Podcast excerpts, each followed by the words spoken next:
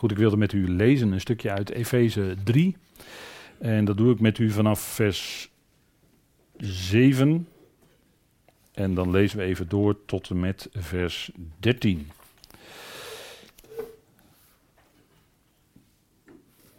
Het evangelie waarvan ik dienaar werd, in overeenstemming met het geschenk van de genade Gods dat mij gegeven is, in overeenstemming met de werkzaamheid van zijn kracht, mij, de allergeringste van alle heiligen, werd deze genade gegeven aan de natieën de onnaspeurlijke rijkdom van de Christus als evangelie te verkondigen. En allen te verlichten wat betreft het beheer van het geheimenis, dat vanaf de eonen weggehouden was in God, die alles schept. Opdat nu, door de uitgeroepen gemeente, aan de soevereiniteiten en de volmachten te midden van de hemelingen, de veelvuldige wijsheid van God bekendgemaakt wordt. In overeenstemming met het voornemen van de eonen, dat Hij uitvoert in Christus Jezus onze Heer, in wie wij door Zijn geloof de vrijmoedigheid en de toegang met vertrouwen hebben. Daarom verzoek ik jullie niet ontmoedigd te zijn in mijn verdrukkingen, voor jullie wat jullie heerlijkheid is. Tot zover. En we staan vanavond stil bij dat stukje vers 7 tot en met vers 10. Paulus dienst, deel 2. En we kijken naar vers 7, waar Paulus zegt dat het hem gegeven is. Het geschenk van de genade van God dat mij gegeven is. We hebben de vorige keer stilgestaan bij het geschenk van de genade van God. We hebben stilgestaan bij geloof. We hebben stilgestaan bij, u weet wel, klippen waardoor je heen moet varen. Niet tegen de klippen aan, maar die klippen kan ontwijken. We hebben een vijftal klippen aan u doorgegeven. En dat had te maken met het geschenk van de genade van God, waarvan Paulus dus zegt in vers 7 dat mij gegeven is. En ik heb mij hier even expres cursief gezet om weer even te benadrukken dat het hier echt gaat om die apostel die dit bekend mocht maken. De genade geschonken aan Paulus was dat hij heraut, hè, dus afkondiger. Um, iedere gelovige kan dat bij gelegenheid wel zijn hoor, een heraut. Een verkondiger, dat is een woord dat uh, breed gebruikt wordt, mag ik wel zeggen. En daar is dan ook vrijmoedigheid voor nodig. Het woord komt natuurlijk ook voor in handelingen, als de apostelen van de besnijdenis spreken. En daarvoor kregen zij dan door de geest vrijmoedigheid. De geest maakte hun tong los, om het zo maar te zeggen, en zij konden vrijmoedig spreken van het heil van de redding van God. Kerusso, dat is het woord in het Grieks. En dat kunnen ook wij doen. Wij kunnen ook verkondigers zijn als wij dat doorgeven op een of andere manier. Het zijn mondeling, het zijn misschien via even een, uh, iets aanreiken op schrift of wat ook. Of attenderen op iets dat online staat of gesproken is, dan ben je al een klein beetje een verkondiger. En is nog mooier als je in een persoonlijk gesprek misschien iets kan doorgeven van, je, van, wat, je, van wat we mogen weten. Ook dat is genade natuurlijk. Paulus zegt, mij is de genade gegeven. Nou, dat geldt natuurlijk voor ons ook. Hè, voor zover we iets mogen weten uit Gods woord en dat begrijpen, is het alleen maar Gods genade. En dat is niet maar, maar dat is heel veel. En dat is ook bevoorrecht. Hè. We zijn bevoorrecht. We zijn geroepenen. Net als uh, al die leden van het lichaam van Christus, wereldwijd wordt de gemeente geroepen. Al 2000 jaar lang, zeg maar, grofweg gezegd. Hè. En in al die tijd roept God uit. Door het evangelie, door het goede nieuws, wat uh, Paulus mocht brengen. Alles gebaseerd op de kruisiging en opstanding van onze Heer. Als centraal gegeven. En wat daaruit uitgewerkt wordt ja, Paulus heeft dat als geen ander mogen uitwerken in zijn brieven. En vergist u zich niet, Paulus die schreef 13 brieven. De Hebreeënbrief is altijd onzeker hè, of die wel of niet van Paulus is. Doet er ook niet zoveel toe. Maar in ieder geval 13 brieven. En dan betekent dat dat ja, toch een behoorlijk groot deel van de Griekse schrift dus afkomstig is van Paulus. Of Paulus heeft dat mogen optekenen. 13 brieven maar liefst. Dat is heel veel, toch wel. En dat bent u misschien zich niet altijd bewust. Omdat in de christenheid mainstream is Paulus niet veel minder belangrijk. Mainstream is Paulus onder het stof geraakt. En uh, ziet men een boodschap van alle apostelen en dan ook Paulus erbij, maar ja, die wordt, wordt vaak toch moeilijk gevonden, dus die wordt veel minder gepredikt dan, uh, dan eigenlijk zou moeten. Dat bedoel ik te zeggen. Eigenlijk zou moeten. Paulus is, zoals het hier staat, hè, de 1 Timotheus 2 vers 7, Paulus is apostel, heraut en leraar van de natieën voor deze tijd. En als we dat volgen, dan luisteren we naar Paulus. En dan zijn er inderdaad verschillen, ja. En soms krijg je dat voor je voeten gegooid. Dat je dan te veel de verschillen zou benadrukken. Maar ik denk dat dat uh, moet, omdat dat iets is wat uh, speelt. Omdat het duidelijkheid geeft. En anders blijft het onduidelijk. En uh, daar valt eigenlijk weinig aan aan te passen. Kijk, de mensen die in de christenheid zich bewegen en die naast, naast ja, na, Petrus volgen eigenlijk, misschien, of Petrus en Paulus, die, die zouden zich aan moeten passen. Die zouden meer naar de apostel Paulus moeten luisteren, want dat is tenslotte de leraar voor nu, voor de natieën. Dat is zoals het is voor deze tijd. En, en daarin, als je dat doet, dan volg je de schrift. En doe je dat niet, ja, dan zit je in een, in een mengeling van allerlei dingen, wonderlijke dingen door elkaar, waarvan Paulus zegt, dat is geen evangelie. Dat is geen evangelie. En uh, de vorige keer uh, meen ik, uh, is, heb ik ook even gememoreerd uh, uit 2 Korinthe 11, dat uh, die Corinthiërs, die, die, aan, aan hen werd een andere Jezus gepredikt en een andersoortige evangelie. En ze kwamen onder een andersoortige geest. En dat lieten ze zich nogal welgevallen, die Corinthiërs. En ik denk dat dat nog steeds vandaag aan de hand is in heel veel kringen en, en noem maar op, geloofskringen. En degene die daar duidelijkheid in schept, ja, is Paulus. En als je dat gaat volgen, ja, dan, dat is niet populair dus in deze tijd. Dat is geen populaire boodschap. Ja, dat is, uh, dat is eenmaal zoals de lijn ligt. En uh, ja, die lijn uh, kunnen we uiteraard niet verlaten. Hoe kon Paulus dan dat enorme dienstbetoon doen? Want als je zijn leven ziet, wat hij in betrekkelijk korte tijd toch allemaal heeft gedaan, veel reizen gemaakt, een aantal keren schipbreuk geleden, veel geleden, zelfs in een moeras geweest, 24 uur lang en, noem maar op. Hè. Allerlei tegenslag is hem overkomen, gevangenschap. Uh, de 40 min 1 stokslagen, diverse keren in gevangenschap gezeten in Filippi, met zijn voet in het blok terwijl zijn rug opengeslagen was. Dat soort dingen allemaal, hè, dat overkwam hem allemaal. Hoe kon Paulus dan toch doorgaan? Hoe dan? Apostel, leraar van de natieën, met al dat lijden. Met al die geestelijke druk die, waar, waar, die, waar die onder stond. Hoe kon hij dat doen? Nou, dat, dat, uh, dat is in overeenstemming. Dat is in overeenstemming, zegt hij in ditzelfde uh vers. Dat is in overeenstemming met de werkzaamheid van zijn kracht. Hè, van Gods kracht. Daarom, daardoor kon hij dat doen. Dat was dus niet eigen kracht. Dat was dus niet eigen, uh, eigen, ja, eigen dingen doen of eigen dingen volgen. Maar dat was in overeenstemming met de werkzaamheid van zijn kracht met de hoofdletter. Zo kon Paulus dat allemaal doen. Dat was die kracht van de opstanding die in hem werkte. En dat is wat hij ook in uh, hoofdstuk 1, dat heb ik aangehaald, wat hij in hoofdstuk 1 betoogde, de kracht waarmee God zijn Christus opwekte uit de dood en hem uitermate verhoogde. Die kracht. Daar worden in Efeze 1, vers 19 en 20 dezelfde bewoordingen gebruikt. Daar zegt hij, en wat de overstijgende grootte van zijn kracht is voor ons die geloven in overeenstemming met de werkzaamheid van de macht van zijn sterkte. Dus we zien hier dezelfde bewoordingen als die hij in hoofdstuk 3, vers 7 gebruikt. Als hij het heeft over de kracht waarmee hij dienaar kon zijn, hè, waarvan ik dienaar werd, in overeenstemming met het geschenk van de genade van God.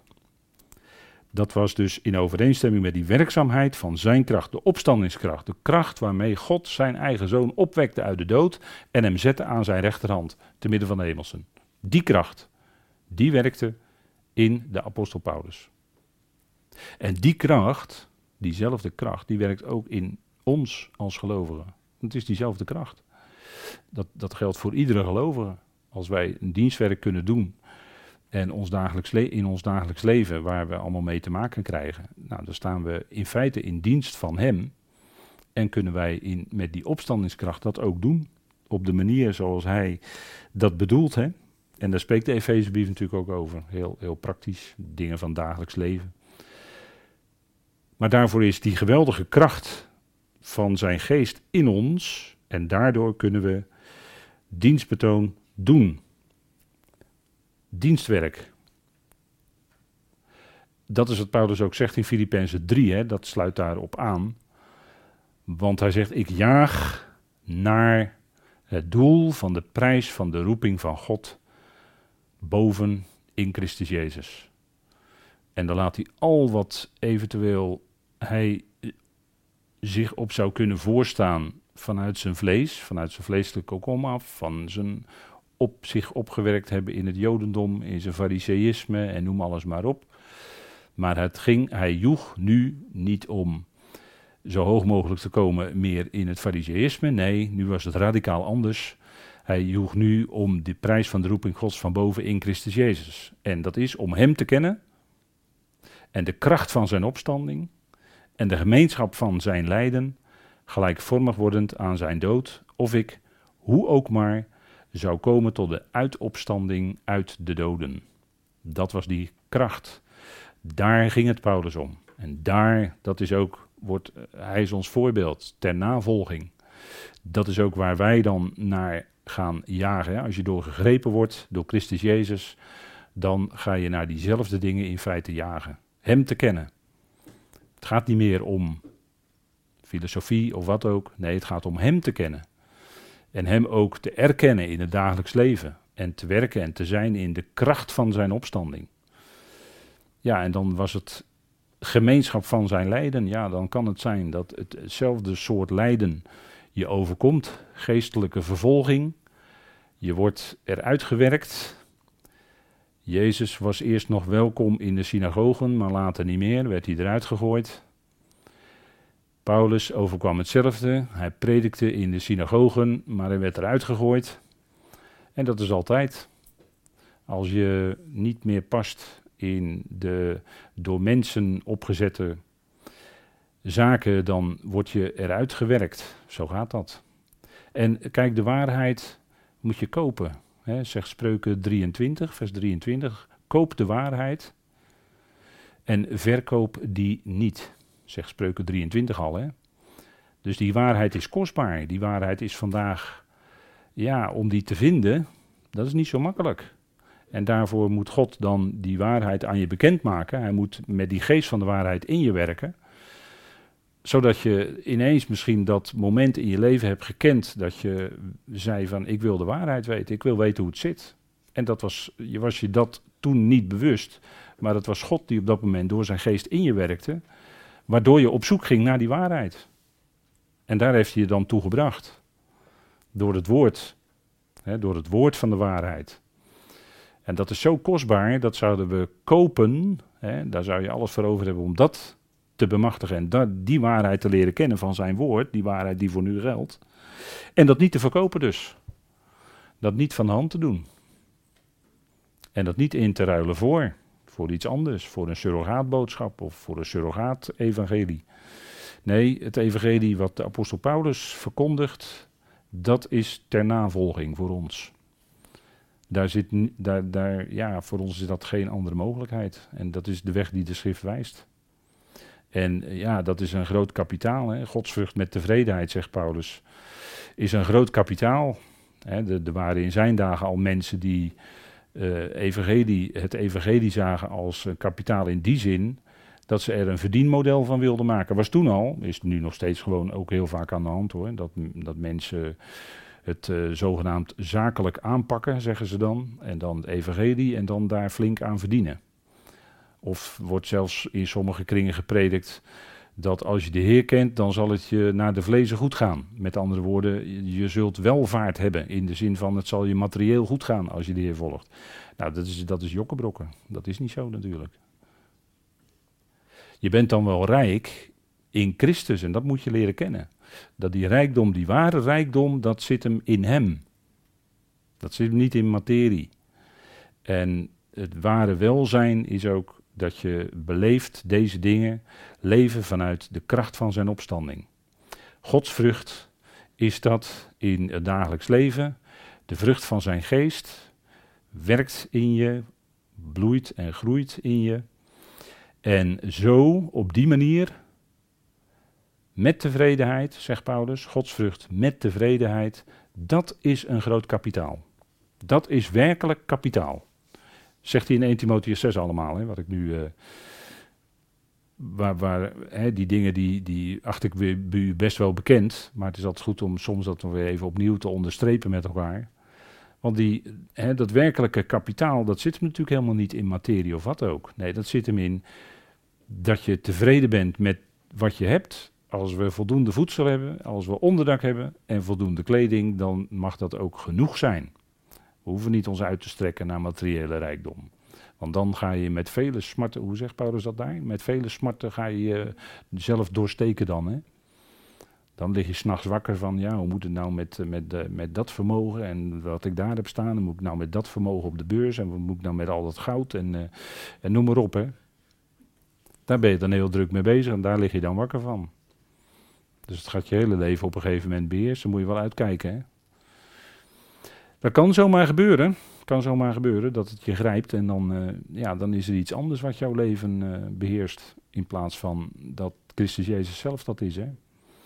Gelijkvormig wordend aan zijn dood. Dat is een hele andere mededeling die Paulus hier doet hè, in Filippenzen 3. Dat is heel wat anders dan waar mensen allemaal mee bezig zijn. En dat klinkt allemaal vaak heel mooi en het klinkt allemaal vaak heel menselijk. Ook in diverse kringen van geloof klinkt het allemaal heel mooi, heel menselijk, maar het is ernaast. En, en daarvoor heb je die opscherping van het, van het woord nodig, steeds weer, om daarop alert te zijn. Wat, wat, wat werkelijk belangrijk is. Dat was die kracht waarmee Paulus kon werken en leven. En hier zien we ook de ootmoedige houding van Paulus. Mij, de allergeringste van alle heiligen, zegt hij in uh, vers 8. Hè? En daarin is die ware ootmoedigheid zichtbaar als hij dat zo schrijft. Hè? Mij, de allergeringste van alle heiligen. Of letterlijk staat er de geringer dan de geringste van alle heiligen. Hij was zich heel goed bewust dat het louter en alleen genade was. Dat hij dit allemaal kon doen. Dat hij dit allemaal kon ja, spreken. Dat hij zelfs apostel kon zijn. Nou, dat was zo'n enorme genade, dat had Paulus zo diep beseft.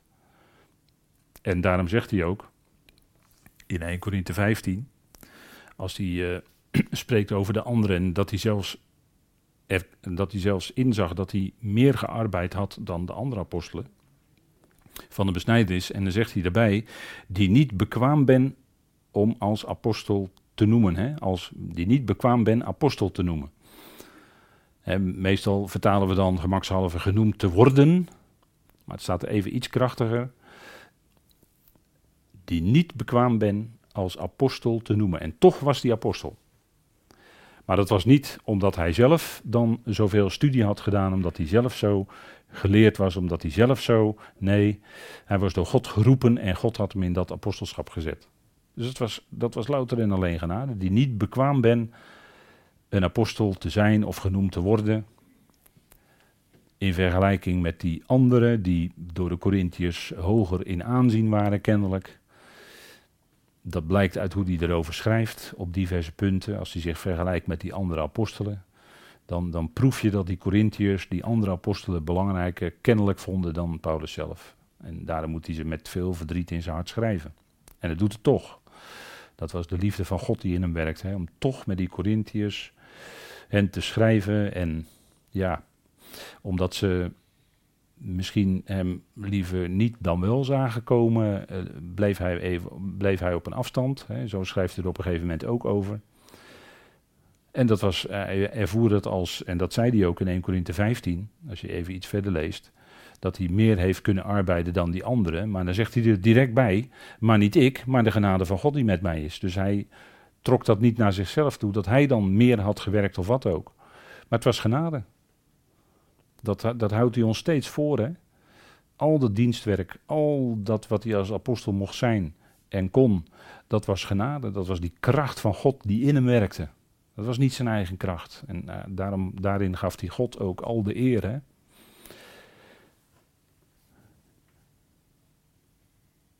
En ook wij, dat geldt ook voor ons. Hè? Kijk, we beleiden, en dat is iets waar je ook in dat besef als gelovige, daar is ook groei in dit besef. Waarin? In het besef dat alles uit God is. Er gaat een moment komen in je leven dat, je, dat daar iets van gaat doordringen. En dan kun je het misschien nog niet bevatten. En dan zeggen we wel eens tegen elkaar: ja, dat is op dat moment nog te veel licht. Dat kunnen je ogen dan nog niet verdragen. De ogen van je hart bedoel ik dan. Maar daarin is dan groei. Dat je steeds meer gaat erkennen. Dat heeft ook te maken met de erkenning van God. Dat is ook het gebed in Colossense 1. Hè? Dat we groeien in de erkenning van God. Dat werkelijk alles uit God is. En dat is zowel macro als micro. Dus die hele schepping is uit God. Maar ook micro, dat is uw eigen persoonlijk leventje.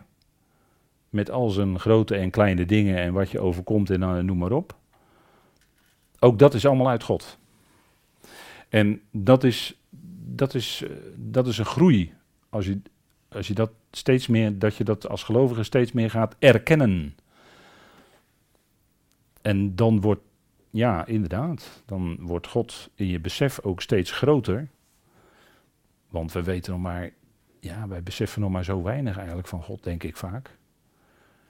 En ja, automatisch is dat dat jij zelf dus veel kleiner wordt. En eigenlijk, je komt tot de erkenning op een gegeven moment. Ja, je hebt helemaal niets te vertellen. Niets. God is degene die alles bewerkt. En wij zijn onwaardige mensen in onszelf en toch zijn we uitgekozen door God. En het ware uitkiezen is dat God ons roept tot het lichaam van Christus, niet als doel op zichzelf, maar om ons in te zetten voor anderen, om voor anderen tot zegen te zijn. Dat is de strekking van het uitkiezen wat God doet. En, en dan is bij, dat is de Bijbelse uit, kiezingsleer. God kiest Israël uit uit de volkeren. Hij roept Abraham uit Oer der Galdeeën, uit een gebied waar duisternis is. En hij bouwt daaruit zijn volk Israël. Dat roept hij en dat kiest hij uit om voor anderen tot zegen te zijn. En zo wordt de Heer Jezus Christus zelf ook genoemd de, uit, de uitgekozene van God. Hij was uitgekozen om dat grote werk te doen en tot uiteindelijk tot heil, tot redding, tot zegen te zijn voor die hele schepping, de hele wereld, al die hemelse machten en krachten, Satan inclusief. Dat hè. En daar zijn wij voor geroepen, niet voor de aarde, want daar is Israël voor geroepen, maar voor de hemelse machten en krachten. Daarvoor zet hij ons als lichaam van Christus in, nu al, straks in volheid. Dat is het doel van uitkiezen. Dus dat is niet een doel op zichzelf, maar dat is om voor anderen dus. Hè? En we zijn niet veel wijzer naar het vlees. Hè? Ik heb even een paar highlights uit dat 1 Korinthe 1, vers 26 tot 31 genomen. Hier heb ik op deze slide voor u gezet. Wij zijn niet veel wijzen naar het vlees. Niet vele machtigen. Niet vele edelen. Maar de dwazen van de wereld. Want wij zijn in de ogen van de wereld maar dwaas. Ja, joh, jullie, joh, geloven jullie nog in die Bijbel? Geloven jullie daar nog in? Geloof je dat dat echt, uh, echt, echt uh, allemaal echt is? Geloof je dat nou echt? Ja, joh, jullie zijn, jullie zijn maar. Uh, Nee, dat is allemaal gedateerd. Hè. Men vindt dat gedateerd. Hè, de, de, de mensen die elitair denken, hè, ook binnen het christendom heb je die hoor, die denken elitair. En die kijken met dédain op ons neer. Ach ja, jullie, moeten, jullie geloven dat allemaal in de schrift? Oh, dat moet je vooral blijven doen. Ik zal niet de naam noemen voor wie dat zo op die manier gezegd heeft. Maar wat een dédain spatte daarvan af, zeg. Maar zo worden wij bekeken. Dwazen in de ogen van de wereld. Hè? En dan, ja, ja, nee, nee, we hebben geen, uh, we hebben geen uh, hier misschien niet, niet allemaal beperkt hier hoor. En de zwakken van de wereld. U en ik. De onedelen van de wereld. Hè? Dat staat tegenover het woord edelen. Hè? Niet vele edelen. De onedelen van de wereld. En de gekleineerden. Ja, dit, dat gaf ik u net een voorbeeld van. Iemand die met zoveel dédain sprak over. Een theoloog hoor, is dat. Die met zoveel dédain sprak over gelovigen die echt gewoon de schrift geloven. Dat het echt betrouwbaar is. Dat is kleinerend voor ons. Dat is kleinerend. Want de meneer de theoloog die wist het allemaal. Die wist het allemaal beter. Vrijzinnig als die is. Maar die komt er op een gegeven moment, dat is natuurlijk onze troost, die komt er op een gegeven moment achter, als die voor de Heer staat, wanneer dan ook, komt hij erachter dat wat die schrift zei, dat was dus toch echt gewoon wel waar. Dat was gewoon echt zo dus. Dat, gaat, dat zal hij dan moeten herkennen. Die knieën gaan natuurlijk ook een keer buigen. Tuurlijk. Maar dat, en kijk, daaraan zien we dat het genade is. Genade is. Paulus zegt daar in 1 Corinthië 1, uit hem is het. Uit wie? Uit God. Alles is uit God. Dus dat wij geroepen zijn, is ook uit hem. Dat wij uitgekozen zijn, is ook uit hem. Alles is uiteindelijk terug te leiden naar die ene bron, God zelf. Daar komt alles vandaan. En uiteindelijk, ja, zal alles daar ook bij hem komen en de knieën buigen. En de tong zal van harte beleiden dat Jezus Heer is. Zeker. En uit hem is het, zegt Paulus dan, dat jullie in Christus Jezus zijn. Die ons van God geworden is, gerechtigheid, wijsheid, hè, vrijkoping. Al die geweldige zaken is allemaal door God gegeven. In hem. Ja, dat is natuurlijk geweldig hè, dat we dat mogen beleiden. Het is die grote God uit wie alles is, die niet loslaat wat zijn hand begon, die vanaf het begin het einde verkondigt, die zijn hele plan overziet, tot in de allerkleinste details aan toe, heeft God dat bepaald van tevoren, heeft God allemaal bedacht, ontworpen. Kun je niet bedenken? Nee, zoveel groter is God. Veel groter dan onze kleine hersenpannetjes. Kom, kom. Alles is uit God menselijk lichaam, als je dat gaat bestuderen, hoe dat allemaal werkt, dan sta je, val je van de ene verbazing in de andere. Nou, dat kan alleen maar God zo ontworpen en gemaakt en gecreëerd hebben natuurlijk. Dat is een groot wonder. de, de, wonderen die, die zijn al, allemaal om je heen. Als je in de natuur kijkt, dan val je van de ene verbazing in de andere. Maar geestelijke wonderen gebeuren nog steeds. Dat mensen tot geloof komen, dat het licht doorbreekt in je hart, wat eerst duister was, dat is ook een wonder. Dat zijn licht. En dan heb je licht op je weg. Dan, hè, met waarheid komt ook licht. Hè. Licht en waarheid, dat is natuurlijk uh, bijna één op één, hè, zou je kunnen zeggen. Wie, wie was dat? De psalmist die zei: Zend Heer uw licht en waarheid neer. Of zingen we dat in een of ander lied? Maar dat is ook zo natuurlijk. Hè. Met waarheid komt licht. Als je de waarheid kent, dan kijk je door de dingen heen. En dan heb je licht dus. Dan zie je hoe het zit. Dat is natuurlijk geweldig, hè? En in onze tijd, waarin zoveel aan de hand is, waarin zoveel onrust is en waar steeds meer oorlog komt en uh, steeds meer landen lijken in oorlogen betrokken te worden, en uh, misschien wel nucleaire dreigingen enzovoort, en je zou er bijna bang voor worden. Maar er is er één die daadwerkelijk alles in zijn hand heeft en die in profetie heeft voorzegd hoe zijn plan zal verlopen. Dus ja. Deze, deze aarde gaat tot duizend jaar mee. Dus ja, daar zorgt God zelf wel voor. En uh, ja, goed, we, de ene keer regent het wat meer, dan stijgt het waterniveau en dan uh, ja, komen er allemaal berichten. En als het uh, drie graden vriest, dan is het code geel, geloof ik, hè? Drie graden. Vriest drie graden, code geel. Dat is allemaal om mensen bang te maken. Want vroeger had je die codes niet hoor. In de tijd van de Elfstedentochten, hè, 1985, 1986, Evert van Bentum, weet u wel. Hè, Elfstedentocht, mooie beelden.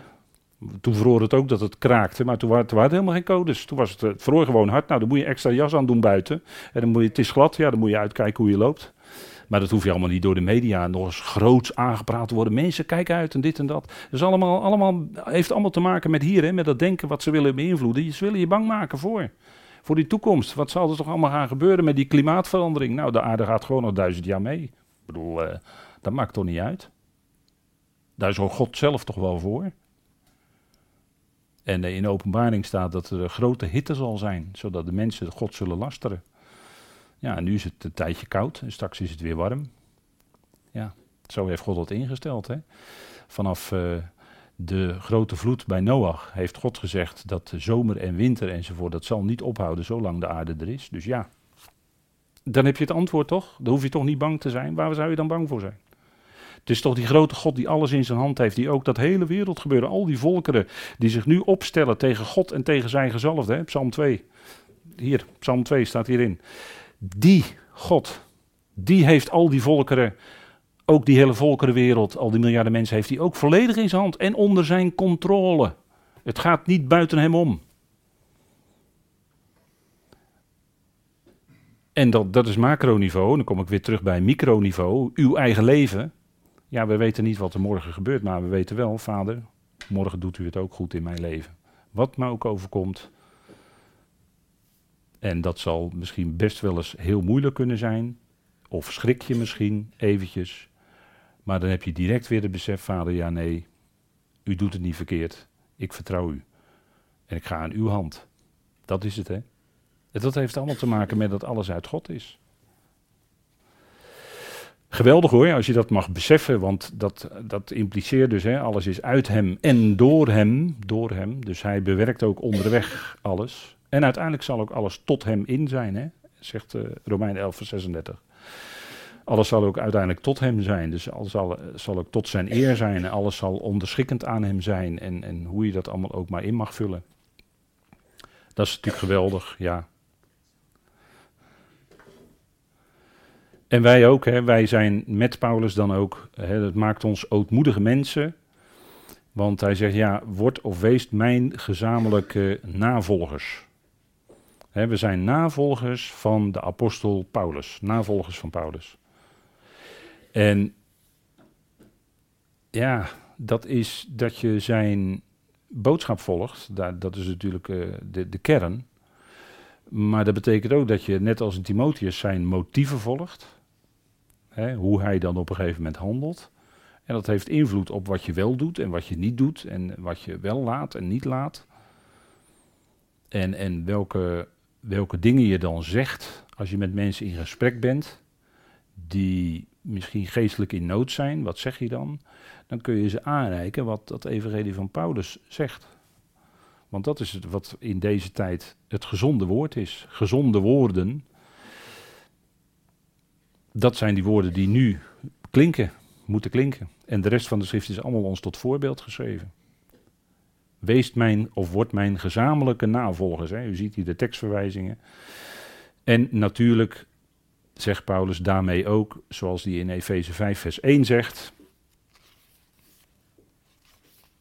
Word dan navolgers van God als geliefde kinderen en wandelt in liefde. Zoals ook Christus jullie lief heeft en zichzelf ter wille van ons heeft overgegeven als naderingsgeschenk en offer voor God tot een aangename geur. Dus hoe ziet dat eruit, hè, navolgers van God zijn? Nou, kijk naar hoe Christus gewandeld heeft, die zichzelf overgegeven heeft.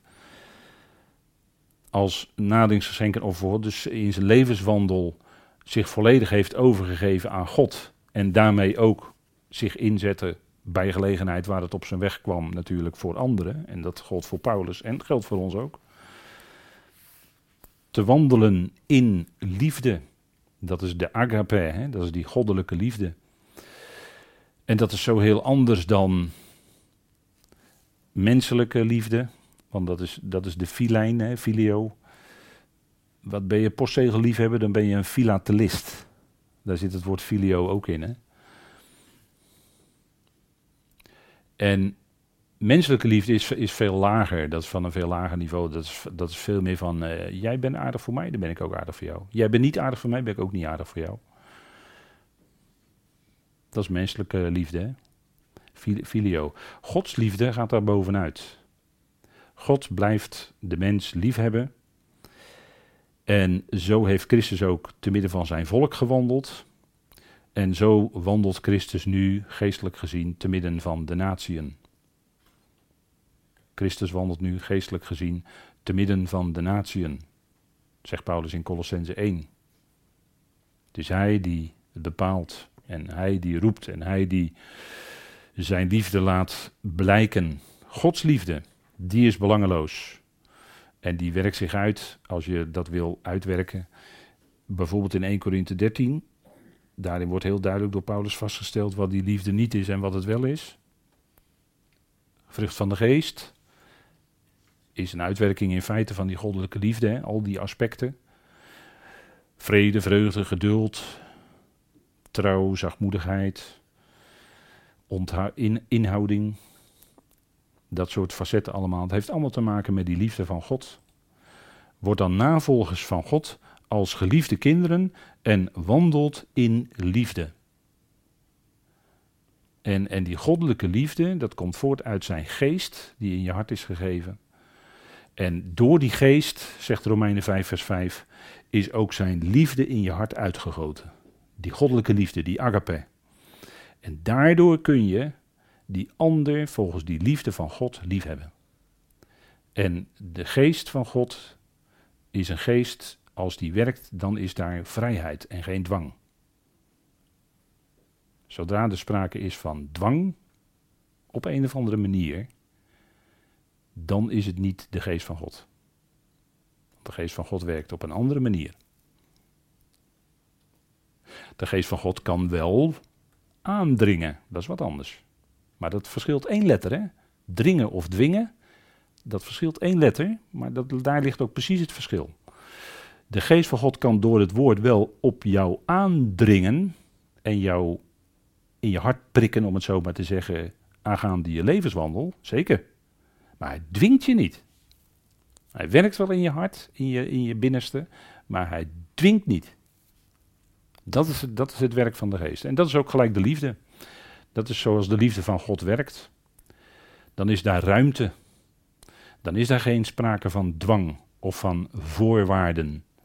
Want we zeggen altijd, we spreken met elkaar altijd over de hogere, belangeloze liefde van God.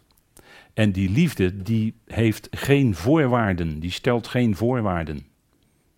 God heeft ons onvoorwaardelijk lief.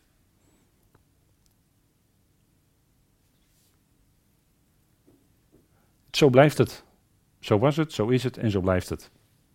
En vanuit die liefde komt ook zijn verzoening natuurlijk voort.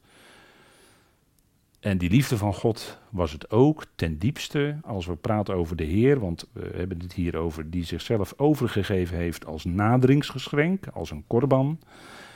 Een offer voor God tot een aangename geur. En dat ging bij de Heer via de weg van het kruis. Dat was de dood van het kruis. En dat was in alle diepste, als je dat, uit, hè, als je dat zou willen uitwerken, dan was dat in alle diepste zin ook een uiting van de liefde van God.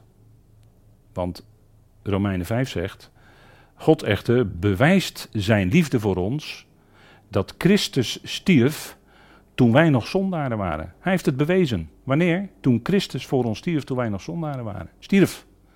En dat was een smadelijke kruisdood. Dat was een uiting van Gods liefde. Dat hij zo ver ging dat hij zijn eigen geliefde zoon aan dat kruis deed komen en door de dood heen deed gaan. Zo ver ging die liefde van God. Dat kostte heel erg veel. En, en dat is denk ik waar wij naar kijken. Waar wij, eh, wat wij als voorbeeld hebben hier. Want Paulus zegt hier, word dan navolgers van God. dus die liefde van God, dat gaat inderdaad heel ver. En, en in je dagelijks leven is het altijd, ja, Altijd uh, biddend bezig zijn. Waar, wanneer is het nog de liefde van God? Of wanneer, ja, dat, kan, dat verschil kan soms heel dicht bij elkaar liggen. Maar dat is iets van afhankelijk zijn, van biddend. En ja, ik denk dat het gebed ook heel erg belangrijk is. Als je echt dat gebedsleven, hè, dat gebedsleven hebt, dicht bij God, dan, uh, dan is het goed. En dat, dat heeft ook iets bewarends in zich. Hè? Dat bewaart je voor het meegaan, natuurlijk het woord, maar ook daarbij gebed. Afhankelijkheid van God in gebed.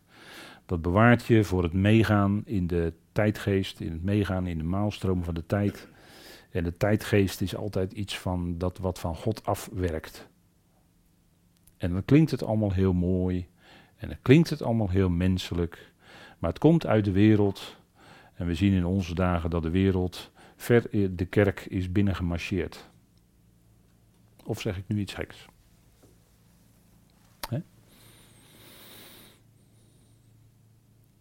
Kijk, die tijdgeest, die, uh, je, je merkt het gewoon aan allerlei dingen. En ik denk dat u dat zelf al heel goed kan bedenken. Dat uh, die tijdgeest gewoon de, de, de, de grote instituten is binnengedrongen. En van binnenuit, van binnenuit, worden de dingen uitgehold. De, de laatste kwam dat naar voren. Met iemand die uh, sprak. En dat ging over de eindredacteur van de Evangelische Omroep. Die is vrijzinnig. De eindredacteur van de Evangelische Omroep, die is vrijzinnig. En die gelooft niet in de lichamelijke opstanding van Christus uit de doden. Dus eh, even de bel, hallo, hallo. Zover is de tijdgeest, de instituten, de christelijke wereld overal binnengemarcheerd. Hè? En ik zeg dat alleen maar, niet verwijtend, want ja, wie zijn wij? God, God heeft ons bewaard, dat is genade. Maar we signaleren wel. We signaleren wel. Zo, zover is het natuurlijk wel. En dat is natuurlijk heel ernstig. Want ja, als je dat gaat ontkennen, dan heb je geen evangelie, toch? Zegt Paulus toch in 1 Corinthië 15, heb je niks. Dan zijn al die overleven gelovigen, die zijn in, nog in hun zonde. Heb je, heb je geen evangelie. 1 Korinthe 15. Heb je niks. Leeg. Dan kan je wel stoppen. Met je hele instituutje, met je organisatie. Dan is het niks hoor. Dan is het gewoon een lege ballon geworden. En misschien wel een dik opgeblazen ballon. Want ze hebben geloof ik veel leden. Maar als van binnenuit, als dat allemaal de overhand krijgt, die vrijzinnigheid, ja, dan heb je niks meer natuurlijk. Dat, dat is zoals het is. En dat heeft helemaal niks te maken met vingerwijzen of verwijten. Dit is gewoon wat te constateren valt. Dit gebeurt, dit is zo. En dan is ons gebed dat ja, de Heer ons bewaart in zijn liefde en dat de Heer ons bewaart bij zijn woord. En dan inderdaad, ja, wees dan mijn navolgers. Wees, wees navolgers van de apostel Paulus zoals hij Christus navolgde. Daar gaat het dan natuurlijk om. En ons christelijk leven is ook niet iets van, ja, je leeft gewoon je leven hè, en uh, je leeft gewoon zoals jij zelf wil leven en dan uh, doe je daar een christelijk sausje of doe je daar een sausje van het woord overheen. Nou, zo werkt het niet, hè. Zo werkt het niet. Zo werkt het niet. Het is uh, woord, het woord is wat in ons werkt en wat in ons die kracht geeft en wat ons aanscherpt, zodat we niet meegaan met de tijdgeest. En, eh, dat is denk ik wat we met elkaar goed mogen constateren. En vandaar, daarin past ons alleen een ootmoedige houding dat we navolgers zijn ja, van die apostel, ja, ja. En daarmee ook van God natuurlijk, van Christus. Aan hem werd die genade gegeven, en dan gaan we zo pauzeren. Hij zegt, werd deze genade gegeven. Nou, daar gaan we dan na de pauze verder op in. Maar voor Paulus was er dan genade op genade. Hij ging van heerlijkheid tot heerlijkheid. In een heel bijzonder dienstwerk. En dat is toch wat we met elkaar kunnen nalezen. En die schriften zijn heel fijn voor ons bewaard gebleven, heel zuiver voor ons bewaard gebleven. En dat is heel bijzonder dat het zo is, dat we dat mogen hebben als onze rijkste schat. Paulus kreeg genade op genade in een zeer bijzonder dienstwerk. En dat is wat we misschien een heel klein beetje dat evangelie, voor zover dat mogelijk is, dat evangelie blijven doorgeven waar God dan de mogelijkheden geeft. En, en telkens weer als die mogelijkheid zich voordoet, ja, dan is dat een kans. Dan is het een kans waarop je weer iets kan doorgeven. En God geeft kansen. En uh, die, uh, die kunnen we in, in Gods kracht benutten. Genade, ook dat is genade. Hè. Goed, we gaan even met elkaar pauzeren.